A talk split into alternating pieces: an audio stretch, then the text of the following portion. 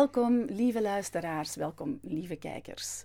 Dank dat jullie weer afstemmen op een nieuwe aflevering Compleet Denkers. Waar we vandaag ook weer een uurtje gaan doorbrengen zonder censuur, vrij uitspreken. Dank dat jullie ons blijven steunen. En dit kan onder de vorm van een Buy Me a Coffee, een centje, een abonnement. En hiervoor kan u alle info verkrijgen op onze website www.compleetdenkers.com. En vandaag hebben we voor u hier in de stoel Bert Weteringen. Bert Weteringen um, is een Noorderbuur en hij gaat ons alles vertellen over windenergie. Hij kent alles van windturbines. En ik stel hem u graag aan u voor, Bert Weteringen. Dank je wel van, om bij ons hier in de studio te zijn en om helemaal van Nederland tot bij ons te komen. U heeft een boek geschreven. Windhandel. Het staat daar uh, naast u. Uh, graag wil ik nog eventjes uh, benadrukken, want het is toch heel belangrijk um, voor de kijkers dat u echt wel ingenieur bent. Ik ga het eventjes aflezen. Ingenieur, bouwkundig ingenieur bent u? Of ver, verbetert u mij even? Wat zijn uw studies juist? Ja, luchtvaarttechnisch ingenieur. Ja. ja, en u heeft lesgegeven ook aan de TU Delft als uh, ruimtevaart verbetert u mij maar. Zegt u maar, want... Ja, op de TU Delft was ik een composietspecialist, dus gespecialiseerd in lichtgewicht materialen en processen. Ja, klinkt heel ingewikkeld. En daar heb ik veel onderzoek gedaan. Ja. ja. en daar bent u ook Koen Vermeeren tegengekomen. En Koen Vermeeren die is bij ons al wat beter bekend dan dat u bij ons bekend bent. Koen Vermeeren is bij ons uh, bekend uh, voor zijn uh, onderzoekwerk over UFO's. En Koen Vermeeren ja. was blijkbaar een medestudent van u aan de TU Delft. En Koen Vermeeren die heeft het voorwoord geschreven van jouw boek. En ik vond het zo interessant. Ik ben trouwens jouw boek tegengekomen op um, Obelisk Boeken, de uitgeverij. En uh, ook daar heeft Koen Vermeeren een boek geschreven, vandaar de connectie. En toen ik dat boek zag, dacht ik, dit moet ik lezen. En in het voorwoord stond dus Koen Vermeeren, uh, die schreef, en ik ga eventjes citeren, want ik vond dit een onwaarschijnlijke zin. Koen Vermeeren beschrijft in het voorwoord van je boek dat windenergie is als een planetair suïcidale technologie. Het is een techniek die nooit ontwikkeld had mogen worden. En daarmee volledig ik. Maar die wel verkocht wordt aan de mensen als heilbrengend in tijden van de ons aangeprate klimaatopwarming en het daarbij horende aangeprate CO2-probleem. Het is eerder, zoals je zegt in jouw boek, een economie in wind, lucratief voor de happy few, maar destructief voor de mensheid. En dat vond ik zo interessant. En dat wou ik eigenlijk in dit uurtje zonder censuur met jou eens van naderbij bekijken. Ja, dit heeft hij heel mooi omschreven. Ja. Maar allereerst voordat ik inga op, uh, op hoe, hoe, ik Koen Vermeeren ken uh, vanuit het verleden, wil ik je hartstikke bedanken en dat ik hier vandaag mag zijn. ik vind het echt, echt super leuk dat ik hier mag zijn vandaag. Ja, dat is eh, wederzijds. ja, mijn boek is eigenlijk net uh, uitgegeven, enkele weken geleden. Ja. En afgelopen vrijdag was mijn boekpresentatie uh, een formeel moment. Het was echt een fantastische avond. Ja. Dus dit sluit heel mooi daarop aan ook. Ja. Dus echt, echt super. We waren er als de kippen bij. Het ja. moet zijn door die mail die ik gekregen heb van Obelisk Boeken, ja. waar, waar zij ook jouw boek gepromoot hebben. Dus ja. voilà de tamtam -tam doet uh, goed zijn werk, ja. zou ik zo zeggen. Ik ben Koen uh, dankbaar voor um, uh, ook zijn voorwoord in mijn boek. Ja. Hij omschrijft dat inderdaad prachtig, wat ja. je net voorlas. Ja. En Koen ken ik vanuit mijn verleden van de faculteit Lucht- en Ruimtevaarttechniek, Universiteit Delft. En um, ja, we, onze paden kruisten weer toen ik Koen in een interview zag met Joran Luca. Mhm. En toen dacht ik, hé, hey, ik ga eens contact opnemen met Koen, want hij denkt overal hetzelfde over als ik. Ja. Dus hebben wij geskyped en toen, uh, ja, toen ontstond er een mooie band. En uh, uiteindelijk is daar het boek Windhandel ook uitgerold. Ja. En ja, dat is echt fantastisch uh, hoe dat soort dingen op hun plek gaan vallen dan. Hè? Ja. Echt ja. heel mooi. En dat was überhaupt met het schrijven van het boek en dat proces daar naartoe. Um, ik, ik wilde al gaan schrijven. En dan zie je dat, nou, ik kom in contact met Koen. Uh, ik, ik ontmoet Mona, mijn vrouw, die, eh, die heb je ook gezien. Ja. En die heeft me alle rust gebracht om te kunnen gaan schrijven. Allemaal mooie mensen om mij heen die mij ook, zeg maar, die, eh, die mooie energie gaven om dingen te kunnen doen die ik graag wil. Mhm. En zo is er een heel netwerk ontstaan om zoiets ook echt te kunnen doen. En stond daar vrijdag ook een fantastische boekpresentatie met muziek en met, uh, met sprekers. Onder andere Marcel Krok was erbij van Stichting Clintel. Die ken ik niet. Maar die... Uh, Kunnen we vast ook vermelden onderaan aan de... Ja, ja. Nou, die, die, hij rammelt al twintig jaar aan de, aan de deur van hey, dat hele verhaal van klimaatverandering. Dat, uh, daar mochten ja. we ons grote vraagtekens bij zetten. Ja. Dus ik had hem uitgenodigd en uh, nou ja, het was fantastisch. Dus, dus echt mooi hoe dat ontstaan is. Oké. Okay. Uh, Fijn. Ja, ik vind dat het, het verhaal moet bij een groot publiek worden gebracht. Dus ja. We hebben getracht, ik heb getracht om het zo te schrijven dat het toegankelijk is, ook voor jonge mensen. Ja. Dat ze zich, die informatie tot zich kunnen nemen. En kunnen gaan inzien zelf. Van ja, wat, wat er nu gebeurt met die hele energietransitie en ja. die windturbines. Ja, dat, uh, dan mogen we ons echt wel eens achter de oren krabben. Of, uh, of er niet ontzettend veel schade voor de toekomst gaat, gaat uh, opleveren. Ja, en we gaan dat eens wat van naderbij bekijken. Ja. Want het is inderdaad heel begrijpbaar. Het is gestoffeerd met allerlei data. als, als dit niet wetenschappelijk onderbouwd is, dan, dan weet ik het niet meer. Dus uh, misschien ja. kunnen we starten met het, het CO2-vraagstuk eens van naderbij te bekijken. Want dat is het excuus, denk ik, hè, algemeen ja. aanvaard om overal windturbines te gaan plaatsen. Dus wat is jouw gedacht over het, het CO2-vraagstuk? Ook wetenschappelijk. Hè? Hoe zit dat nu volgens jou? -hmm. Ja, het begon natuurlijk even terug in de jaren 70, 80 was het verhaal dat er een tekort zou dreigen aan grondstoffen. Dus daarom uh, moesten we gaan kijken van, joh, hoe kunnen we gaan minder grondstoffen gaan verbruiken. Nou, dat is in de, in de loop van de jaren 80 is dat helemaal veranderd in uh, klimaatverandering. Klimaatverandering, dat was uh, ineens een hot issue. Mm -hmm. En dat begon natuurlijk bij de Club van Rome en dat is later opgepikt in de conferentie Rio de Janeiro in 1992 daar werd uh, klimaat en duurzaamheid werd een hot issue.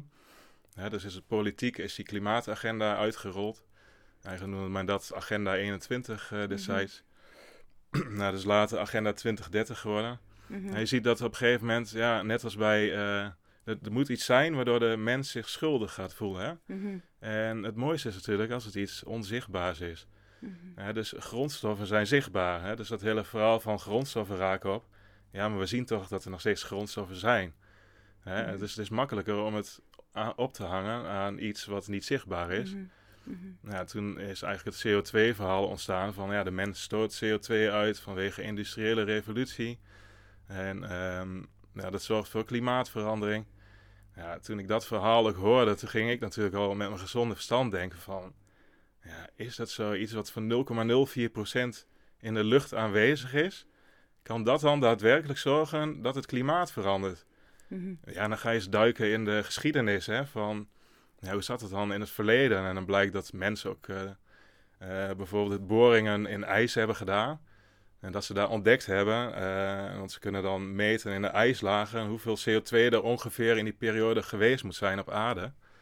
En dan blijkt dat het in het verleden vele malen hoger geweest is dan nu. Mm -hmm. En zelfs dat het toen dat het CO2-gehalte hoog was ten tijde van een ijstijd. Ja. Ja, dan ga je toch wel denken van, ja, goh. Uh... Daar wou ik net toe komen, want uh, je spreekt over 1900, uh, begint eigenlijk al in 1950, hè, dacht ik, of niet, rond die periode ergens. En dan daarna hebben ze zelfs nog een ijstijd aangekondigd. Mm -hmm. En nu ja. is het ineens dat het klimaat aan het opwarmen is. Ja. En dat CO2-probleem is altijd hetzelfde geweest. Dus ze spreken ja. zich totaal tegen. Ja, je zag in de jaren zeventig zag je uh, inderdaad krantenkoppen van uh, dat we richting een ijstijd zouden ja. gaan. Uh, omdat het, de wereldwijde temperatuur was een halve graad gedaald en die daalde nog steeds. dus dan zie je dat soort krantenkoppen verschijnen.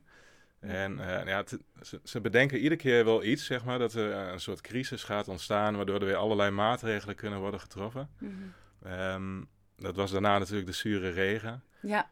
daardoor konden ze ook weer allerlei maatregelen gaan treffen.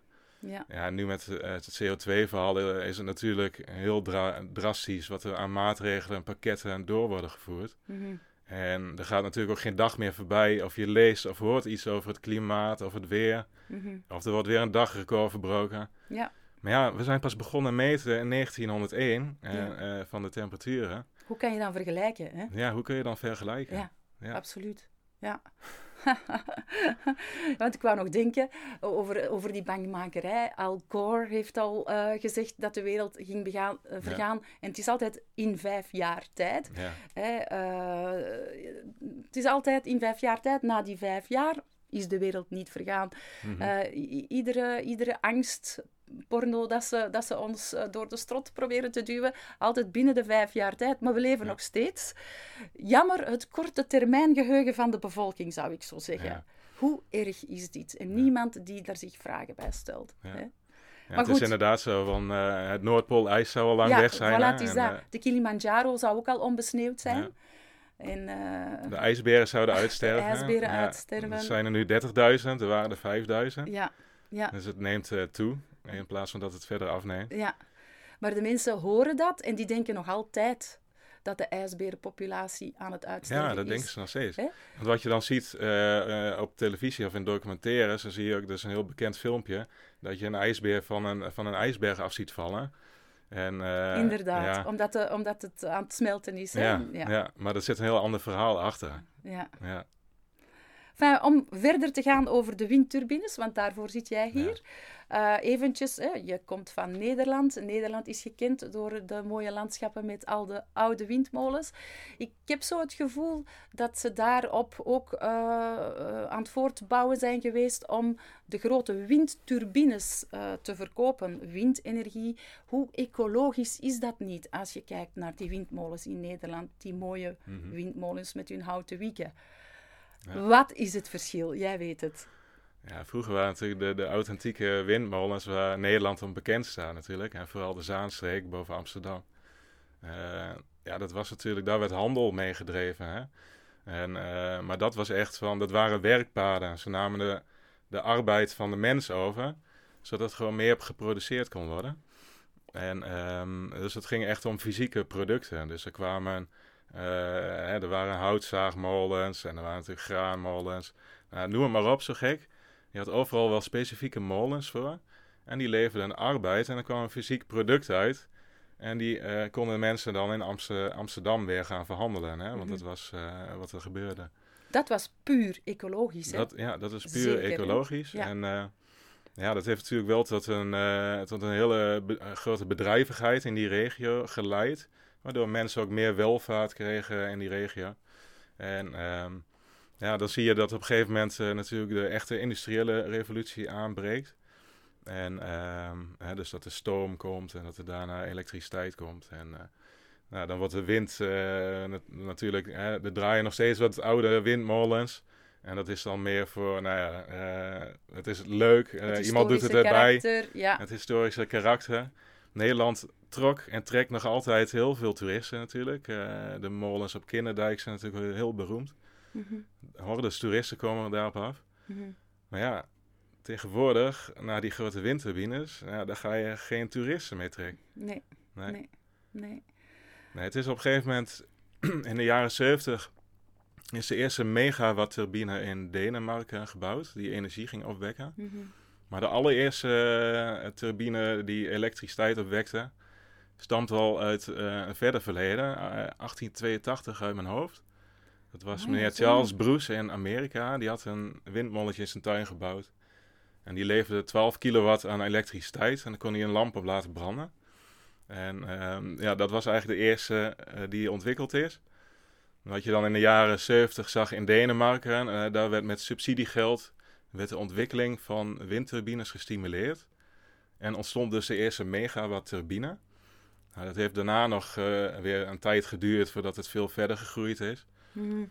Nou, Denemarken en Duitsland zijn echt de pioniers op dat vlak. En daar is door de overheden ook het meeste geld in gestopt mm -hmm. om dat verder te ontwikkelen. Ja, en toen zijn er steeds meer gekomen, hè, in Denemarken en Duitsland vooral. En steeds groter. En de ontwikkelingen gaan natuurlijk door. Stonden jullie daar in de TU in Delft ook niet uh, mee aan de, aan, in de kinderschoenen van de ontwikkeling van die turbines? Of was dat van die rotorbladen? Nee, dan meer uh, wel wat met rotorbladen, met de materialen die gebruikt worden. Daar waren we wel mee bezig. Ja. Maar niet zozeer de ontwikkeling van die, uh, van die windturbines. Maar jij was wel bezig ook met die rotorbladen, dacht ik, hè? Nou, ik was met dat soort materialen bezig, want ze zijn gemaakt van uh, glasvezelversterkte epoxies. Dat is een thermohardende kunststof. En ehm, ja, die, dat zijn lichtgewicht materialen. Je kunt je voorstellen dat je een enorm gewicht moet ronddraaien natuurlijk. Dus die bladen moeten zo licht mogelijk zijn en mhm. sterkte en stijfheid hebben. Mhm. En vandaar dat daarvoor gekozen is. Mhm. En er zit dan een kern van balsa-hout zit daarin. Ja. Nou, waar dat dan vandaan komt, kunnen we misschien ook nog op ingaan. Ja, daar zou ik het heel graag uh, met u over hebben. Over alle onderdelen van die windturbines. Wat is daar eigenlijk allemaal voor nodig aan materiaal? Hè? We hebben de mhm. rotorbladingen, maar we hebben ook die funderingen. Ja. Die, die, die grote, reusachtige windturbines die moeten ergens uh, vast blijven staan in de grond op een bepaalde manier. Dat zijn gigantische krachten die daar uh, mee gepaard gaan. Dus dat zijn ook gigantische funderingen die we daarvoor nodig hebben. En uh, ja, ik weet niet, mm -hmm. kan, dat kan u mij toelichten, hè? Ja, zeker, ja. nou, ik geef even een voorbeeld uh, van um, een windpark in de Flevopolder in Nederland, die vrij recent gebouwd is. En dan per windturbine zijn er bijvoorbeeld al 66 heipalen de grond ingegaan. Je moet je voorstellen, als een polder. Ja, dus uh, ze moeten best diep uh, heien daar, omdat de grond drassig is. Zie uh, die betonpalen die de grond in worden geslagen, die zijn 30 meter lang.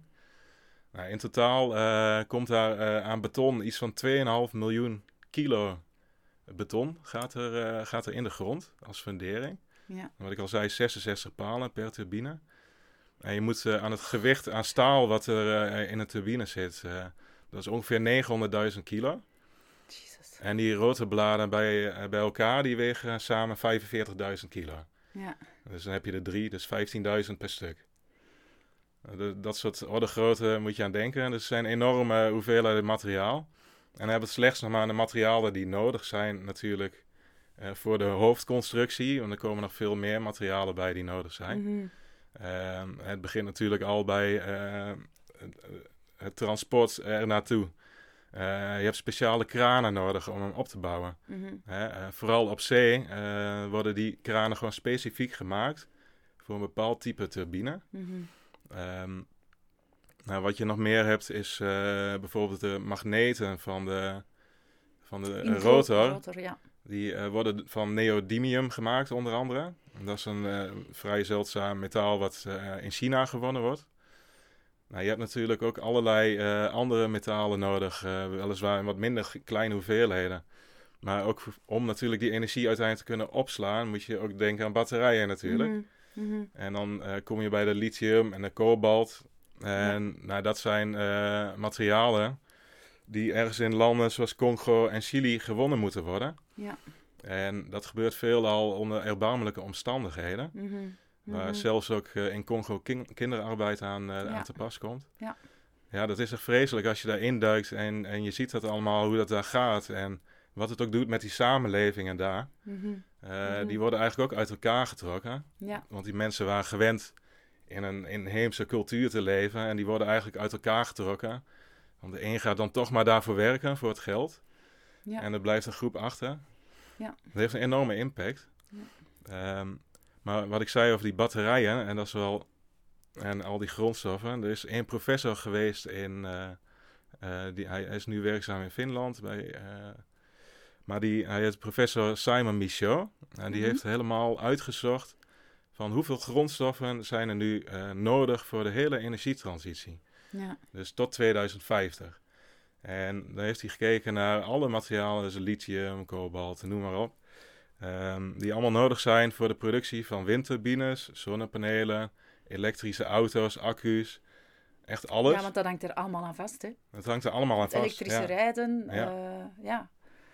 En wat blijkt nou, um, als je kijkt naar alleen lithium als voorbeeld, dat er gewoon, uh, om, het, om die doelen te halen, is er op dit moment een tekort van 98% aan lithium. Ja. Uh, dus wat dus moet... het is een doel dat eigenlijk niet haalbaar is. Nee, op dit moment, zoals het er nu voor staat, is het gewoon absoluut niet haalbaar. En moet je je voorstellen, 98% tekort hoe ga je daar dan de komende tijd voor zorgen dat je dat materiaal alsnog ter beschikking krijgt? En ze mikken dan een beetje op van ja, er worden misschien al nieuwe technologieën ontwikkeld.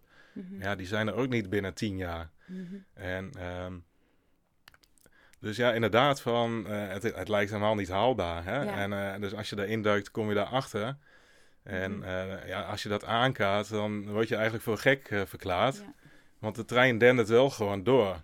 Maar ergens stopt het, omdat gewoon de grondstoffen braken. Dus je ziet ook al afgelopen jaar berichten in de media verschijnen. Van hey, er is eh, bijvoorbeeld in Zweden is er een, een nieuw grondstoffenveld ontdekt. Maar ja, voordat je daar die grondstoffen uithaalt, ben je minimaal tien jaar verder. Mhm. En dan is er dan nog de vraag, want zo'n mijn moet natuurlijk ook economisch rendabel zijn. Mhm. Ja, want overal moet je natuurlijk winst kunnen maken. Mhm. Als hij dat niet is, sluit hij gewoon weer. Hè? Dus eh, van de zeg maar 100 mijnen die eh, geëxploiteerd worden, blijft er maar een enkeling over die uiteindelijk economisch rendabel is. Dat, stelt je, dat doet je de vraag stellen, eigenlijk, waarom blijven ze er dan in godsnaam mee doorgaan? Wat, wat schuilt daarachter? Ja. Maar dat is misschien een vraag dat we Mhm. straks nog kunnen beantwoorden. Want ik zou eigenlijk heel graag eh, blijven doorgaan op de windturbines zelf eigenlijk. Eh, we weten dat het uit zoveel verschillende onderdelen eh, bestaat, waar dat er eigenlijk onderdelen die, die, waar dat eigenlijk er niet voldoende grondstoffen al voor zijn, dat heb je nu, nu aangekaart. Maar ook waar ze geplaatst worden, stel ik mij de vraag. Daar moet ontbost worden. Mhm. Is dat dan zo ecologisch? Hoe groot eh, zijn die windparken niet? Hoeveel moeten we er nog plaatsen van die windparken? Eh, is het niet gewoon ecologischer om gewoon onze bossen... Er worden zelfs oerbossen gekapt, heb ik verstaan uit jouw boek. Dus eigenlijk die, die op, op werelderfgoedlijsten staan van het belang in de wereld. En die worden zomaar gekapt om het heil van het windmolenpark, dat al bewezen is dat het eigenlijk niet zo heilzaam is. Maar kaart is, eh, laat me eens even, of eh, de kijkers duidelijk maken, hoeveel ruimte we er eigenlijk voor nodig hebben en waar Mhm. allemaal. Ja. Hè? Ja, nee, dat is inderdaad. Hè. Er wordt dan zogenaamd gewerkt aan een groene agenda. Maar als Ja. je ziet hoeveel groen er verdwijnt. en eh, dat is echt, echt verschrikkelijk. Er, er moeten heel wat bossen eh, aan geloven. Hè. Ik reed ook afgelopen zomer reed ik, eh, met mijn autootje via Duitsland naar Noorwegen. En vooral Zweden staat er ook onbekend dat ze die turbines bovenop eh, de heuveltoppen bouwen. Zo langs de westkust. En nou ja, dan moeten ze dus eh, paden maken, eh grindpaden door de bossen. Dus er moet heel veel bos verdwijnen. Je hebt daar een van de grootste windparken ter wereld op land. Dat is een Mark Dichten Mhm. Als, je dat, als je dat ziet, al die paden door de, door de bossen. Vervolgens komen ze boven op de heuvel. Moet al het bos weg. En er met dynamiet wordt daar, eh, de rots vlak gemaakt. Zodat ze die fundering daarop kunnen maken. Ja, het is echt... En dan uiteindelijk blijkt hè, dat de energie die daar opgewonnen wo- ge- opgewekt wordt... dat die voor een groot deel ook nog gebruikt wordt door een Google datacenter. In gelezen. Finland. Ik heb het gelezen. Ja, dus daar moet al het bos voor wijken. Ja. dus eh, ja, is dat dan een groene agenda? Nee, het is omdat er steeds meer op IT-vlak en steeds meer controle moet en steeds meer data moet worden opgeslagen. Ja, En die energie wordt dus ook voor een groot deel daarvoor gebruikt. ja. Ehm, ja, in Duitsland inderdaad worden ook oerbossen gekapt, hè? eh, Mhm. sprookjesbossen. ja, Ja, dat is echt vreselijk. Ja. Ehm, de Duitsers komen wel ehm, in opstand in de zin van eh, dat ze zich, hè, dat ze hun krachten bundelen en eh, dat ze ook eh, rechtszaken aangaan. Mhm. Maar ja, vaak zijn de besluiten al genomen en of ze al die stukken lezen is maar de vraag. Mhm. Daar kan ik zo ook nog wel wat op- over vertellen straks. Want ik Mhm. heb zelf ook wat dingen geschreven richting de provincie. Ah ja, wauw. Ehm, ja, verder ecologisch. Hè? Als je kijkt naar de zeeën bijvoorbeeld. Ja. Eh, de Noordzee, neem ik dan even als voorbeeld. Daar willen ze dus 30.000 windturbines gaan neerzetten. Mhm. 25% van het hele oppervlak van de Noordzee wordt gewoon windmolengebied. Mhm. Een windturbinegebied. Ik zeg geen windmolen meer, ik zeg alleen maar windturbine. Ja, ja, ja, ja, ja, dat is iets heel Ja, veel anders ja, uiteindelijk. ja. Windmolen. Eh, ja, dat is een enorm oppervlak. Hè? Daar past Nederland eh, vele keren in. Ehm, en ja, wat, moeten, wat, wat doet het al- allemaal eh, met het leven in zee, hè? Ja, Eh, met de ecologie al daar. En natuurlijk, uh, er zijn wel onderzoeken gedaan van, uh, maar dat is al in 2003 bijvoorbeeld gebonnen, ge, begonnen. Toen was er een windpark, Prinses Amalia Windpark voor de Nederlandse kust, een van de eerste. En toen zijn ze begonnen met bodemonderzoek, want je hebt natuurlijk al het leven op de bodem, alle schelpdieren, mm -hmm. noem het maar op. En um, nou, dat onderzoek heeft lang geduurd, een aantal, zeg maar meer dan tien jaar. En uiteindelijk kunnen ze daar niks uit concluderen. Nou, als je niks kunt concluderen, dan weet je dus eigenlijk nog steeds niet wat voor effect dat het heeft. Ze willen of ze kunnen er niks uit concluderen. Hè? Nee, en je wordt dan alleen de positieve dingen hoor je dan terug van ja, maar er komen oesterbanken op die, die zetten zich af op die palen. Ja. Nou ja, dat is dan wat je terug hoort. Uh, maar de rest van wat uh, je zag namelijk in die rapporten, zag je dat direct na het uh, zetten van de, het heien van de palen, zag je dat de biodiversiteit enorm was afgenomen. Mm Later zag je dat hij weer wat toenam. Mm um, maar je ziet dus gewoon echt wel een effect daarvan. Ja, en dat is ook niet moeilijk voor te stellen. Nee, is helemaal niet moeilijk voor te stellen. Uh, ik las ook in jouw boek dat er, uh, uh, of je leest het dan ook in de kranten, dat er zoveel walvissen, walvissen aan, aanspoelen op de, op de kusten in Amerika. dolfijnen die het noorden kwijt zijn, letterlijk. Ja. Um, en niemand legt daar een verband.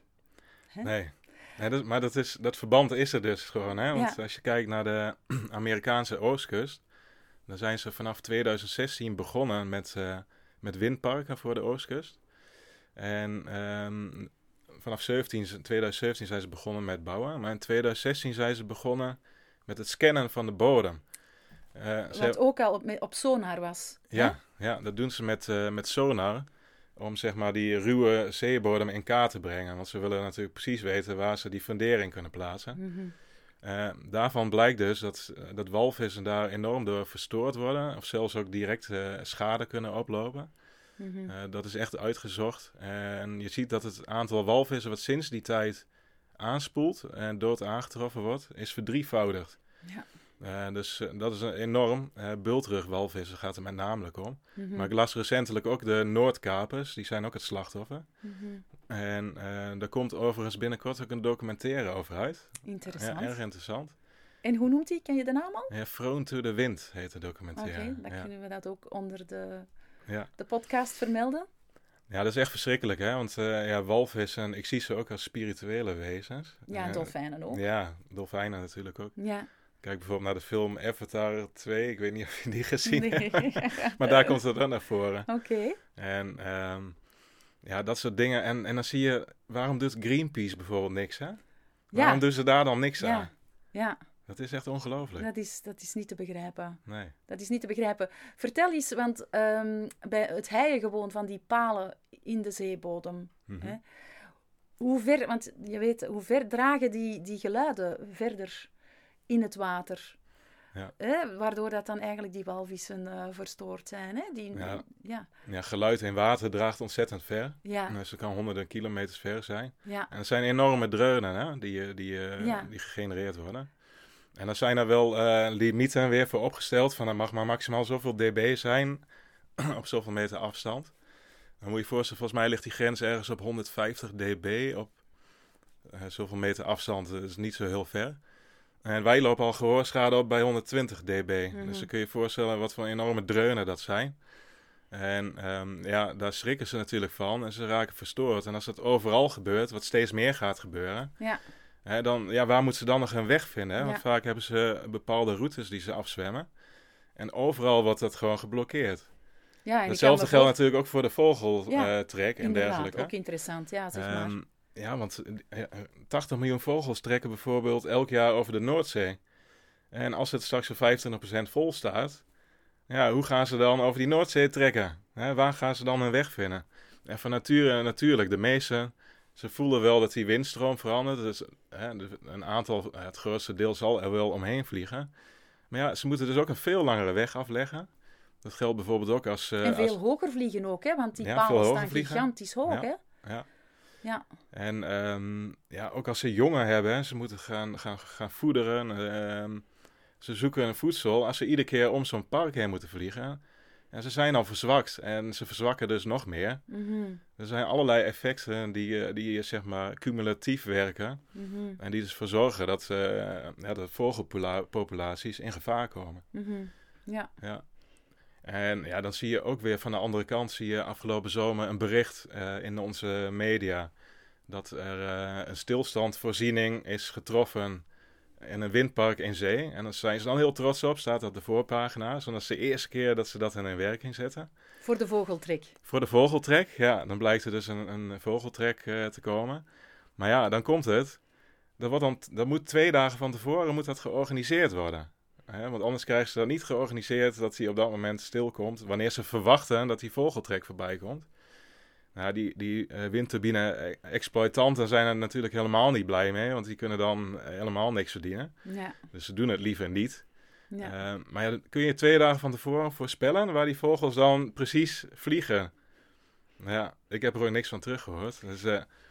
En het opstarten en het stilleggen van die windmolens kost op zich ook alweer kost... al uh, zoveel energie. Ja. En, en, en daarboven blijkt ook dat de, de opbrengst qua mega, megawattuur ook niet zo denderend veel is per, nee. per windmolen. Hè? Dus nee. um, als ze dan al die windmolens dan ook nog moeten stilleggen voor de vogeltrek, Mhm. waar ben je dan in Ja. godsnaam mee bezig? Ja. En dat geldt dan voor die windmolens op zee, maar ik kan mij ook voorstellen, dat heb ik ook gelezen uh, in uw boek, um, die windmolens op, uh, op het land. Um, uh, dat heeft dan nu niet met stilliggen te maken, maar welke schade er daar dan ook is, niet alleen aan flora en fauna, maar ook voor, voor de mens. Um, slagschaduw, lawaai, zelfs rondvliegende stukken van uh, windmolens die gewoon uh, stuk gaan na, na verloop van tijd. Ja. Hè? Ja. Uh, dat is ook zo'n verhaal. Ja, geef maar wat Ja. toelichting. Ja, inderdaad. ehm, ja, mensen hebben inderdaad la- vooral last van het, van het geluid. Hè, als je eronder staat, ik weet niet of je er eens onder hebt gestaan, maar het, het geeft een enorm eh, eh, geluid. maar dat niet alleen, dat is het direct hoorbare geluid. Eh, ze genereren ook infrasoongeluid. Ja. Dat zijn heel laagfrequente eh, geluidsgolven. Die ook gewoon door je muren van je huis heen kunnen gaan, zeg maar, omdat het zo laag frequent is. Ja. En nou, daar hebben mensen echt, eh, kunnen daar slaapstoornissen van krijgen en allerlei psychische klachten. Er zijn verhalen van mensen die vlakbij turbines wonen, die gewoon s'nachts uh, in een auto stappen, een stuk verder wegrijden en daar gaan slapen in een auto, want ze kunnen gewoon niet meer slapen. Dan heb je al je droomhuis gebouwd. Ja, ja. ja en de slagschaduw natuurlijk, hè? dat is Ja. ook een, eh, een hot issue. Ehm, ze worden steeds groter, dus die slagschaduw zal ook steeds verder rijken. En er komen natuurlijk steeds meer. Ik geloof dat in Nederland gaat het er naartoe dat je in 2030 zijn er iets van 1,6 miljoen eh, eh, woningen die dan daar zo indirect zo mee te maken gaan krijgen. Ja, Dus eh, dat is een enorm aantal. ja. En ja, je moet je voorstellen dat je een soort knipperlicht continu door je kamer ziet gaan. Dat is eigenlijk een foltertechniek hè, van vroeger. In de Ja. gevangenis lichtje aan, lichtje uit, lichtje aan, lichtje Ja, uit. ja. En dat gaan ze nu gewoon eh, ons gewoon ongevraagd aandoen. Eigenlijk eh Ja. Ja, en, crimineel. daar- en daar, daarbij natuurlijk het aanzicht van het landschap. Hè? Dat speelt voor mij een.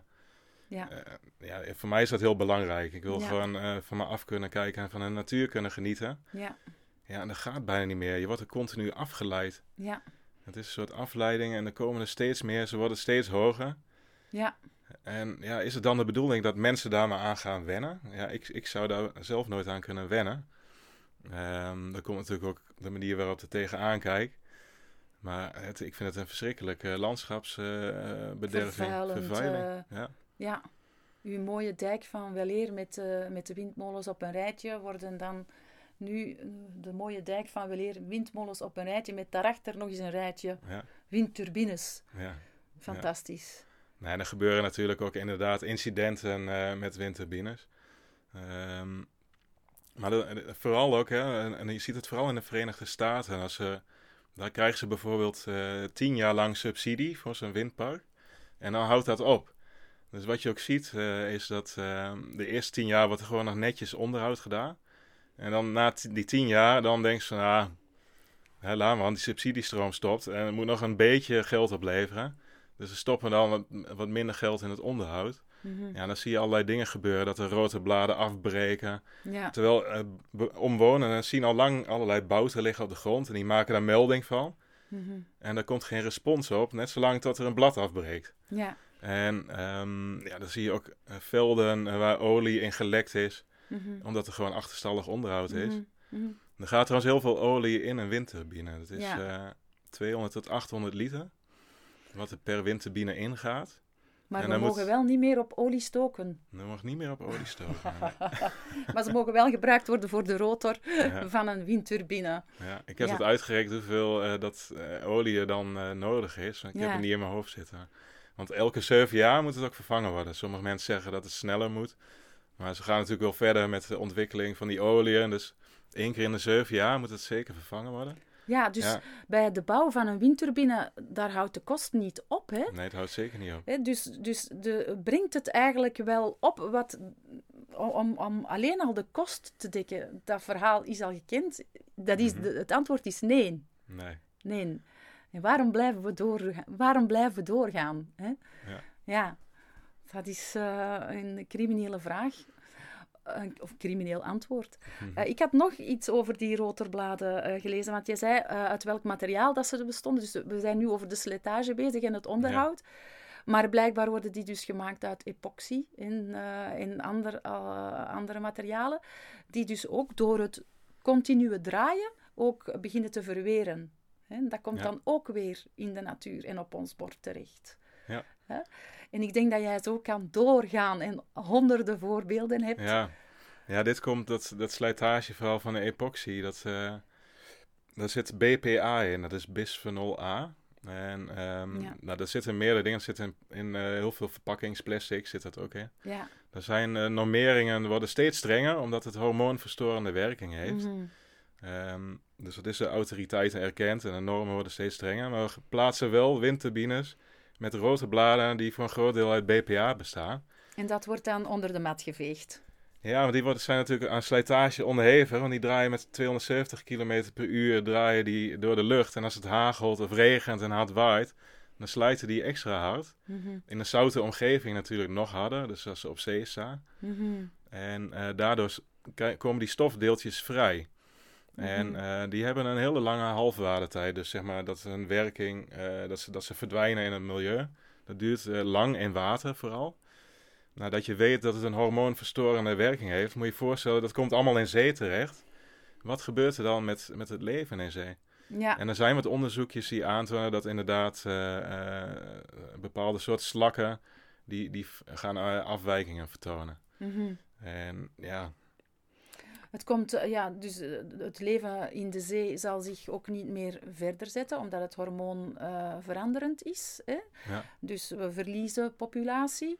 Langs de andere kant komt het ook in eh, de vissenpopulatie terecht, die dan weer op ons bord komt. Ja. Dus daar zullen wij dan ook weer de schadelijke gevolgen van dragen. ja, ik denk dat, het, dat dit nog best wel een grote, tot een grote milieuramp zou kunnen leiden. Ja, dat zou best kunnen, ja. Ja, want die, het is BPA, hè? Ja. Ja, hè? is echt, echt eh, verklaard als zeer, zeer, zeer giftig, hè? Ja. Dus in ons voedsel en in, in, in fabrieken worden aan allerlei normeringen onderworpen worpen wat betreft die BPA. Ja.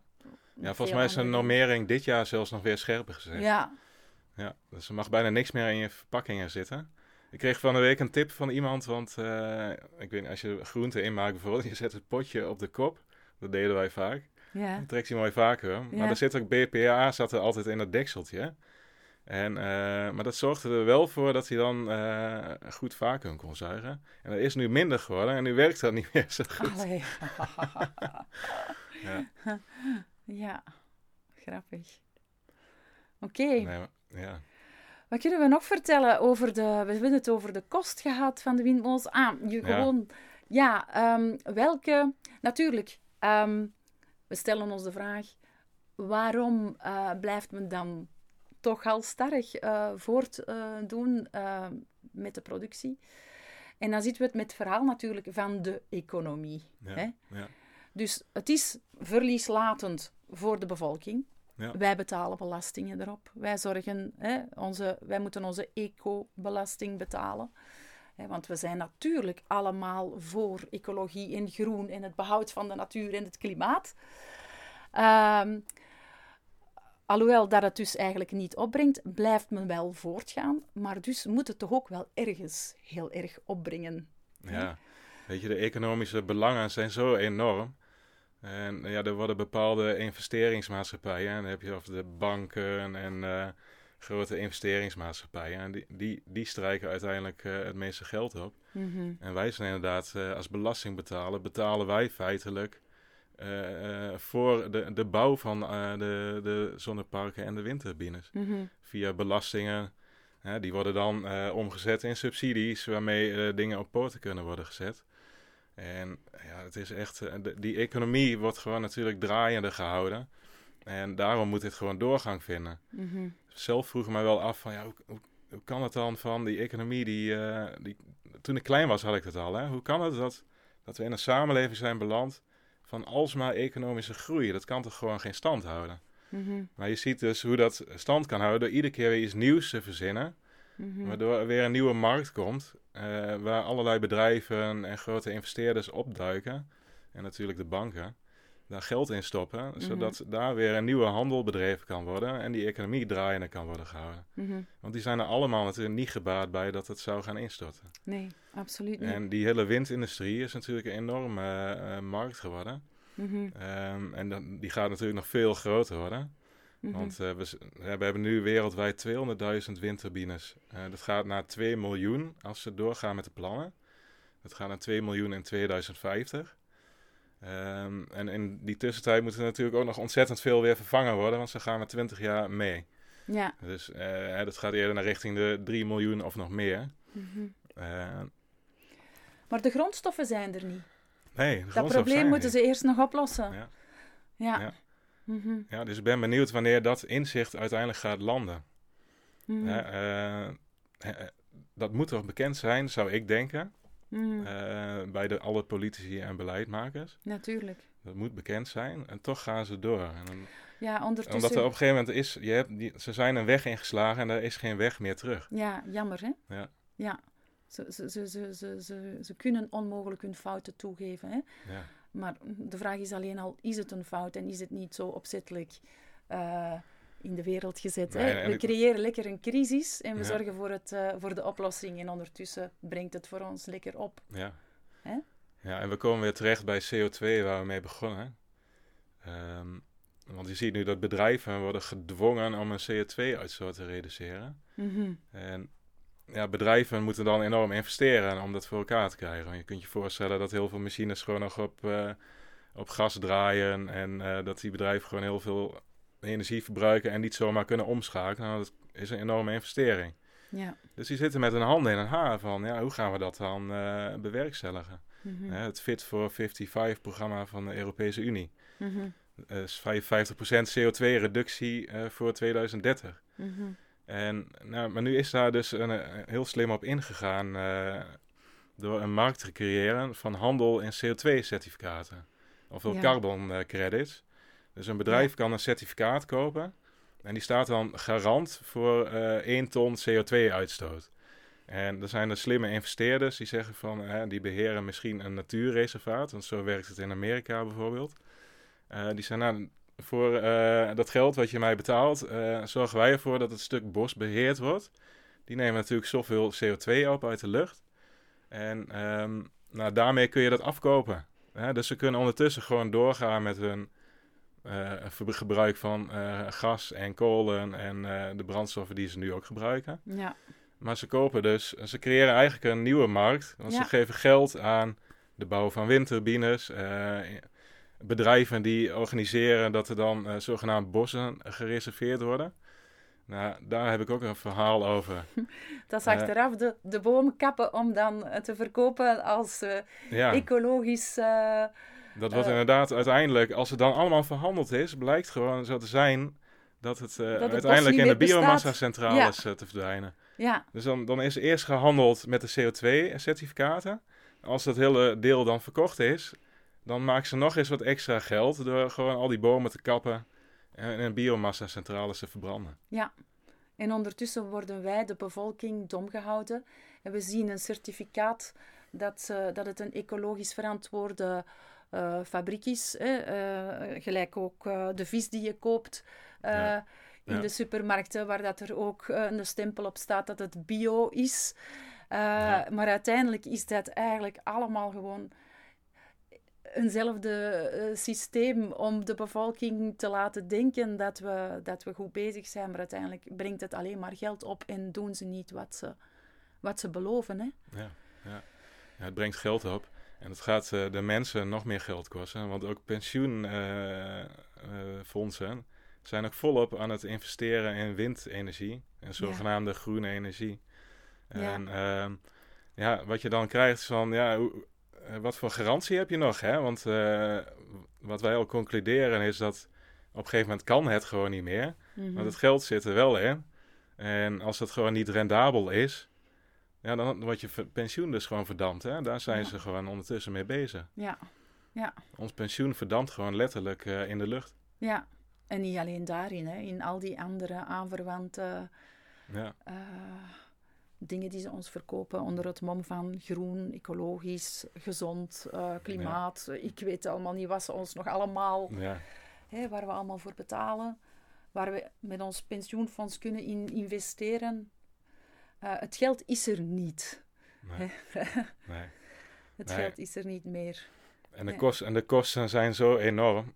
en dat wordt vaak uh, enorm onderschat. Hè? Want er wordt vaak uitgegaan. Je ziet ook borden langs de weg, ook toen ik hier naartoe reed dit was dan een zonnepark, maar dan staat er weer van... Dit park zorgt voor energie voor zoveel uh, huishoudens, zoveel duizend huishoudens. Ja. Maar waar ze geen rekening mee houden, is natuurlijk de variabiliteit van wind en zon. Ja, inderdaad. Er moet natuurlijk wel waaien, en er moet natuurlijk wel zon zijn. Ja. En je moet dat kunnen aanpassen op het net. Uh, en daar komen best wel uh, veel kosten bij kijken. Want op het moment dat het dus hard waait, dan moeten die kolencentrales afschakelen, zodat die windenergie er meer in kan komen naar het afschakelen en weer inschakelen van die conventionele centrales, uh, dat kost enorm veel. Ja. En dat maakt ze onrendabel. Mm -hmm. dus als je dat soort kosten mee gaat nemen in de hele berekening, dat noemen we dan een systeemkosten. Dus het inpassen van die energie in het bestaande netwerk. Mm -hmm. Daar komt heel veel bij kijken. Want je moet natuurlijk ook al de aansluiting hebben en die variabiliteit. Um, dus dat maakt uh, windenergie bijvoorbeeld, uh, dat, dat de waarde van wind veel lager ligt dan de marktwaarde van de conventionele energie. Langs de andere kant gaan ze dat dan weer gebruiken om aan de bevolking te, zetten, te zeggen: we moeten die kernenergiecentrales afsluiten. Dat is een onwaarschijnlijke kost. Dus moeten we nog meer windturbines gaan, mhm. gebouwen, zo, gaan bouwen, zodanig dat we die kernenergie niet meer nodig hebben. Ze vergeten uh, de bevolking beseft niet hoeveel windturbines er dan nodig zijn en dat eigenlijk uh, energie opgewekt door windturbines gewoon nooit kan volstaan om aan alle energie die nodig zal zijn in de wereld gewoon te voldoen. In, het, in het geval dat het wel zou kunnen, stel dat we alle energie met windturbines zouden opwekken en, en met zon, hè, wind en zon. Um, dan zou, zou het nog zo zijn dat je enorme accu's nodig hebt. Om die energie te kunnen opslaan. Want als het niet waait en de zon schijnt niet. Nou, het blijkt dus dat uh, om die energie uh, te kunnen vastleggen, zodat iedereen altijd uh, energie heeft en de maatschappij kan blijven draaien, dan heb je hele grote accuvelden nodig. Er staat er zo eentje in Australië. Die heeft het Hornsdale Power Station. Mm -hmm. die heeft allemaal Tesla-accu's. En het is voetbalvelden, enkele voetbalvelden groot. Hoe ecologisch zeg. Ja, ja. En daar zou je dus uh, echt 15 miljoen van nodig hebben. Uh, om zeg maar genoeg energie op te kunnen slaan, zodat die, onze maatschappij draaiende kan blijven uh, worden gehouden. Gigantisch. En daar kappen wij dan al die bomen voor die dat automatisch doen voor ons. Ja. ja, ja. Hoe, hoe... ja het is krankzinnig. Hoe... Als je dat ziet, het is echt krankzinnig. Ja. ja. ja. Want waar ga je die dingen ook weer plaatsen? Hè? En daar heb ik dus ook vragen over gesteld bij, uh, bij de provincie uh, waar ik in verblijf. Um, van ja, hoe gaan jullie, zijn jullie al aan het nadenken over hoe je die energie straks gaat opslaan als er een overschot is? Ja, want je ziet het nu al gebeuren. Hè? Uh, dit jaar, nee, vorig jaar hadden we 100 uur lang te veel energie op bepaalde momenten in het jaar. Dus dan, heb je, dan schijnt de zon en het waait hard. Mm -hmm. Dan wat is het aanbod groter dan de vraag. dus dan moet de energie worden teruggeleverd aan het net.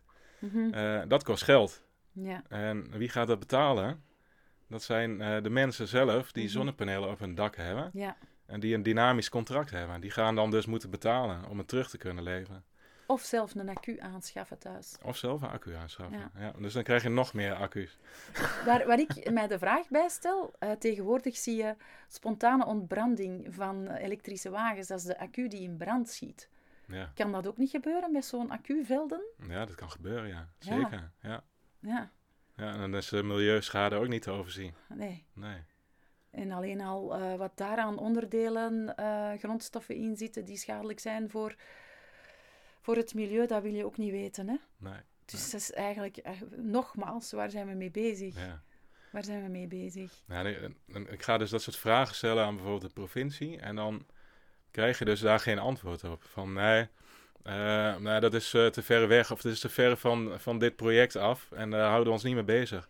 Maar er is dus helemaal niemand die zich daar feitelijk mee bezighoudt. Mhm. Terwijl het wel onderdeel is van. Dus je, je zult, als je steeds meer wind en zon wil, zul je het ook moeten kunnen opslaan. Maar dan blijkt dat daar eigenlijk niemand mee bezig is. Nee, daar is niemand nu mee bezig. Dat is gewoon nog van hoger, Ja. hogerop. Hè? Ja. Het wordt hen opgelegd. De provincie heeft daar gewoon geen, geen inspraak in, waarschijnlijk. Hè? Nee, dat merk je. Ze hebben er eh, ook, ook weinig kennis van. Eh, ze hebben er geen inspraak. Ze voeren gewoon uit. De kennis wordt achtergehouden. Ja. En Ik heb- iedereen denkt dat het voor het goede doel is. Ik heb met gemeenteraadsleden gesproken. Eh, je kunt er hele goede gesprekken mee voeren in de wandelgang van het eh, gemeentehuis. Mhm. Dan hebben ze een luisterend oor. Maar zodra ze in die raadzaal zitten, dan merk je dat ze gewoon een agenda uitrollen. Mhm. En dat is gewoon het beleid volgen. Mhm. Dus ook al zijn ze geïnteresseerd, zelfs partijen als D66, die eh, de klimaatagenda aan warm toedragen. Zijn dat de groenen van bij De ons dan? groenen, ja. Ja. De groenen, die, eh, die, nou, die schrikken als, je, als, je, als ik met dit verhaal kom, van wat voor schade en wat voor impact het allemaal heeft. Daar hebben ze nooit van gehoord. Ze Mhm. weten het gewoon niet. Nee. Dus die lokale bestuurders hebben geen idee waar ze mee bezig zijn. Maar zij worden wel uiteindelijk verantwoordelijk gemaakt. Mhm. Want het wordt van hogerhand wordt het, eh, uitgerold. In Nederland heb je dan de regionale energiestrategie. Dat betekent dat het land is opgedeeld in 30 regio's die allemaal met verschillende gemeenten verantwoordelijk zijn om bepaalde hoeveelheid energie met zon en wind op te gaan wekken. Mhm. Nou, dus het is, die verantwoordelijkheid is in kleine regio's opgedeeld. Maar vervolgens zijn het die gemeenten die een vergunning moeten gaan verlenen voor een projectontwikkelaar. En dus die zijn uiteindelijk degene die het besluit nemen. En als die gewoon geen kennis van zaken hebben, dan zeg ik, jongen, dat is belangrijk om hun met die kennis te, eh, te voorzien. Dat ze ook gaan zien van, ja, maar, en je, hun kunnen nog een, eh, zeggen, nee, dit willen wij niet, hè? Maar dan heb Ja. ik ook niet gelezen in jouw boek dat gemeenten daar dan onwaarschijnlijk voor gesubsidieerd Ze krijgen daar natuurlijk veel geld Ja. voor, dus ja. Voilà. Ja, hoor. ja, ze krijgen een eh, anderhalf procent van de bouwleesjes. Ja. Dus het, nou, dat is al twee ton of zo wat ze dan ontvangen. En er wordt natuurlijk ook onroerende zaakbelasting ge- geheft ja. op, eh, op een windturbine. Net zoals bij een woning of een onroerende zaak. ja. Ja, dus inderdaad, eh, voor de gemeente is dat een mooie eh, motivatie om het maar binnen hun gemeentegrenzen te hebben. Ja. Dat is Ja. zo, zo, zo, zo Ja, je ziet dat alles is door, door geld gedreven. Ja, het, het ontstaat, er is gewoon een hele handel gecreëerd Ja. rondom wind en En wie wil die dan in zijn, in zijn achtertuin? Dan wil, iedereen wil ze, maar niet in zijn achtertuin. Nou, je krijgt inderdaad ook verdeling in, eh, in, in, in, in samenlevingen. Ja. Want aan die kant van het dorp willen ze niet, maar aan de andere kant willen ze ze natuurlijk ook niet. Eh, Nog iets anders eh, over die windturbines. Ehm, het effect op, op het klimaat zelf. Hè, want dat is ook een, totaal tegenstrijde, een totale tegenstrijdigheid. Ze staan daar omwille van het feit dat ze zogezegd goed zijn voor het klimaat. Maar zoals ik las, het draaien van die rotorbladen, die brengen ook een wind... ehm, hoe zeg je, een, st- een stroom, een windstroom met zich mee. Die dan toch ook totaal weer ontregelend is. ja, Kan je Ja. daar nog wat meer uitleg over ja geven? dat, kijk, het, natuurlijk je kunt je voorstellen dat zo'n rotorblad, die, eh, die is eigenlijk gewoon lucht aan het mengen. Hè? En dan gaat door verschillende luchtlagen, eh, tussen de 60 meter hoogte en zeg maar 300 meter hoogte. Eh, en dat kan warme lucht, vochtige lucht, eh, dat is hier allemaal aan het mengen.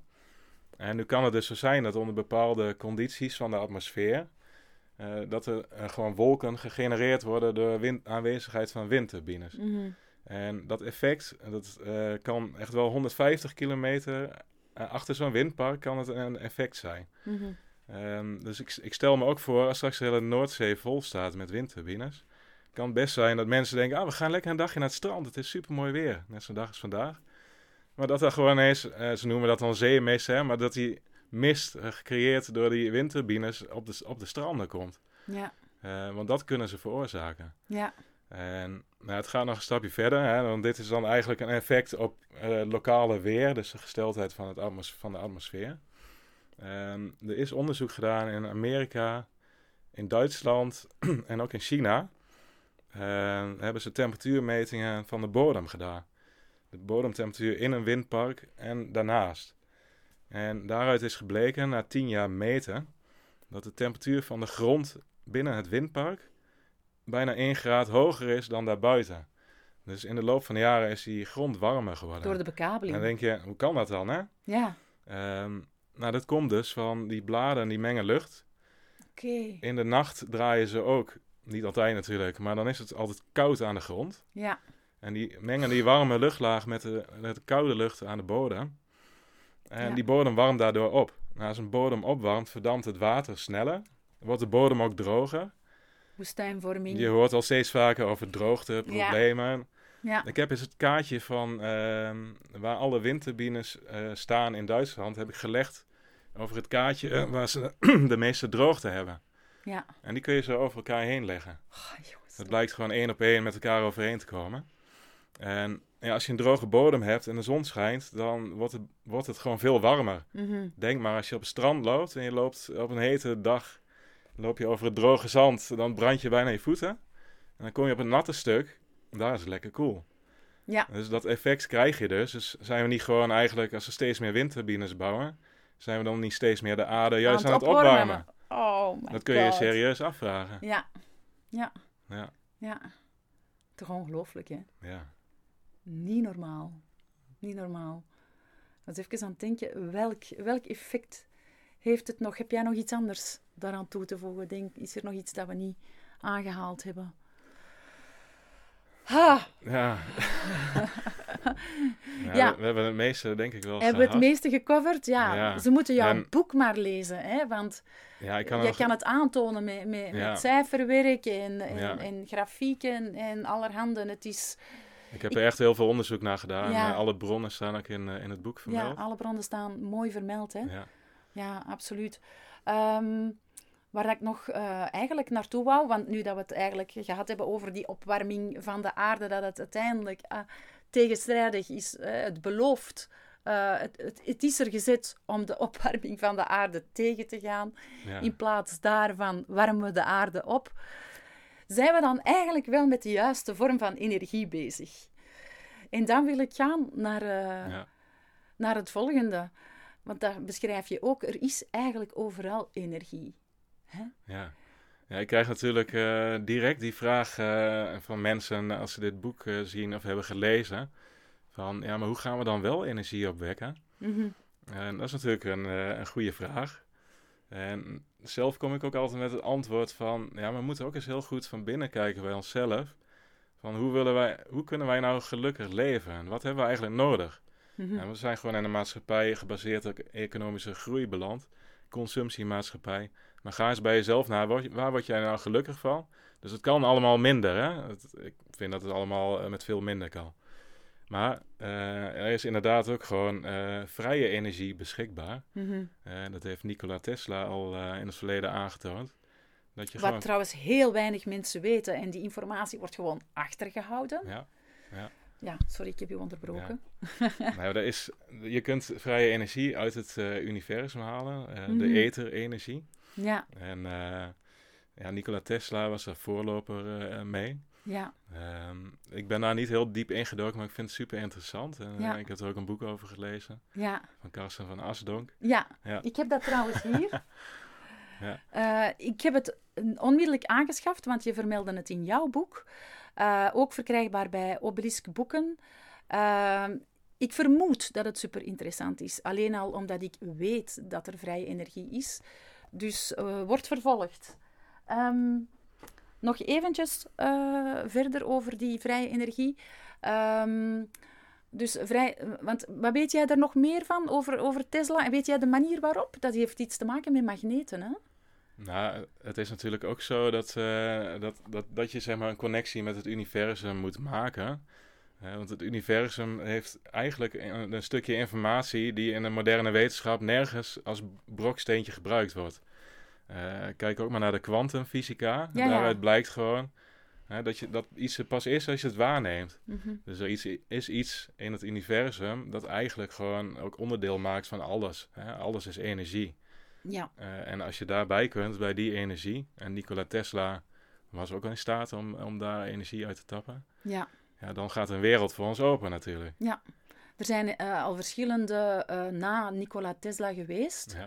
Ja. daar zijn ook filmpjes van te vinden op de niet-mainstream media kanalen. Van mensen die daar bewijzen van hebben, die auto's doen rijden op waterstof, maar ook met magneten. Maar dan stel je je de vraag: waarom in godsnaam mag die kennis niet verder uitgebouwd worden? Worden dikwijls die mensen ook sorry dat ik het zo zeg, een kopje kleiner gemaakt of omgekocht, zodanig dat ze er niet meer over spreken, over hun, hun, hun kennis. Um, ja, ja je, ziet dat, hè, uh, je, je, ziet dat het in het verleden gebeurd is. Mensen die, uh, die met alternatieve opwekkingsmethoden voor energie kwamen, mm -hmm. ja, die werden bijvoorbeeld vergiftigd. Ja. ja want dus de belangen voor de olieindustrie zijn natuurlijk zo enorm groot. Mm -hmm. En ja, die willen niet hebben dat er zo'n doorbraak komt. Ja. Wat, hoe zou de wereld zijn als iedereen gewoon vrije toegang tot energie heeft? Ja, dan valt heel het, heel het machtssysteem, machtssysteem in, du valt in duigen. hè? Ja. Ja, ja, Dan, dan gaan we naar een totale andere maatschappij. Een verdeling van macht in de maatschappij. Ja. Uh, maar misschien moeten we daar wel naartoe. En ik denk uiteindelijk gaan we daar toch naartoe. Naar een heel andere maatschappij. Ja. Want dit kan gewoon niet lang stand houden, uh, hoe het nu draait. Uh, het financiële systeem staat natuurlijk ook best wel op barsen al lange tijd. Ja. En ja, je ziet gelukkig om mij heen, zie ik het, dat, je, dat je steeds meer mensen ziet die daarvan bewust zijn. En die zorgen dat ze in kleine gemeenschappen met elkaar diensten kunnen uitwisselen en eigen groentetuinen beginnen. Hele mooie initiatieven zijn er ontstaan de laatste jaren. Ja. En ik denk dat het daar steeds meer naartoe gaat mhm. en dat die groepen zullen gaan groeien. Want mensen gaan uiteindelijk, uiteindelijk gaan steeds meer mensen inzien dat uh, waar ze allemaal aan meebetalen en dat het uh, ja, niet is waar zij eigenlijk, uh, hoe, hoe zij willen leven. Nee. Ik had een mooi plaatje eh, op een markt liggen afgelopen week. Dan zie je een heel mooi groen landschap met, met koetjes en varkentjes. En, en daarboven een, uh, een plaatje met alle windturbines, zonneparken en een sproeiinstallatie met chemicaliën. Ja. En, en, kinderen vinden dat heel interessant. Hè? dan vraag, vraag je aan die kinderen van waar zou je liever willen leven? Ja, natuurlijk. Ja, natuurlijk. En in het gras. Met, welke reden? Maar dat geeft al aan van ja, wie wil nou zo'n industrie, in zo'n industriële omgeving wonen in de toekomst? Nee. En mensen gaan dat zien, want je ziet het gewoon om je heen veranderen. Het wordt volgebouwd met windturbines en zonneparken. Ik ken er weinig die zeggen van, ah, wauw. Ja, fantastisch mooi landschap waar we nu doorrijden. En ja. ik zei, ja, dit is nog maar het begin. Als die plannen doorgaan, dus er gaan steeds meer mensen gaan de ogen uh, van open. Mm en uh, daar vertrouw ik absoluut op dat, uh, dat daar een kentering gaat komen, vroeg of laat. Ik hoop het ook, maar je sprak over um, dat we naar onszelf moeten kijken en zien hoeveel we eigenlijk nodig hebben. Natuurlijk leven we in een maatschappij nu waar er zoveel mogelijkheden zijn en die ook zoveel energie vragen. Je kan moeilijk vragen aan de mensen om terug naar de oertijd te gaan en allemaal terug in een hoeve te gaan wonen met de eigen koeien, eigen aardappeltjes, eigen groenten uit de tuin. Dus er moet wel een evenwicht in gevonden worden. En dan daar is dan de doorbraak voor nodig van de andere vrije energie. Hè? Dus dat is eigenlijk daar, dat is, dat is hetgeen dat we moeten in de wereld zetten. Hè? Jouw verhaal, samen met het feit van er is ook een andere vorm van energie. Hè? Want uh, ja, terug, terug, terug naar af wil ik nu ook niet meer gaan. nee, dat is ook zo. Ja. Nee, natuurlijk, uh, we zijn een bepaalde luxe levensstandaard gewend. Ja. En daar mag natuurlijk ook wel echt wat van blijven bestaan. Ja. Maar het is natuurlijk van de zotte dat uh, mensen om de twee jaar een andere auto moeten kopen. En, ja. Weet je, dat, is ook zo. Maar wie weet, is er een auto, is, gaat dat ook binnenkort niet meer van belang zijn? Nee. Met vrije energie? Nee. Ben ik misschien Nou, nog het is- vijf, vijf seconden in New York straks, hè? Binnenkort is het niet meer betaalbaar, hè, een auto. een Nee, auto is te niet meer betaalbaar. Nee. Nee, nee. Nee, want in, in januari gaat de energiebelasting, eh, of de, de benzine, de belasting op benzine in Nederland weer 21 cent omhoog. Ja, En nou ja, we worden natuurlijk verplicht om elektrische auto's aan te schaffen vanaf 2035. Die zijn 50% duurder nog altijd dan de benzineauto's. ja, En die subsidie daarop, eh, die, of de, dat, dat mensen geen wegenbelasting hoeven te betalen, dat gaat ook verdwijnen vanaf Ja, ja. 2025. ja. Ja, het wordt eh, voor mensen onbetaalbaar om te gaan autorijden. mhm. Ja. Hoe ver moeten we gaan, denk je, voordat iedereen daar zich bewuster van wordt, van heel het vraagstuk? Wat, Ja. wat moeten we doen? ja, de maatregelen moeten nog gekker worden. Ja. Helaas is het zo. Ik vrees het ook. ja, Ik vrees het ook. ja, ik denk dat het zo is. Op een gegeven moment wordt er een grens bereikt. En eh, er wordt natuurlijk heel erg in de portemonnee gesneden van mensen. Ja, en dat vinden ze niet leuk. Dus eh, daar gaat op een gegeven moment de grens bereikt worden. Ja, En helaas zit er nog steeds in geld. Geld is een drijver voor heel veel mensen. ja, Ja. En als dat geraakt wordt, dan, eh, dan is er kans dat ga- dingen gaan veranderen. ja. Geld gaan we anders moeten definiëren, hè? Ja, absoluut. Ja. Geld en energie. Ja. ja.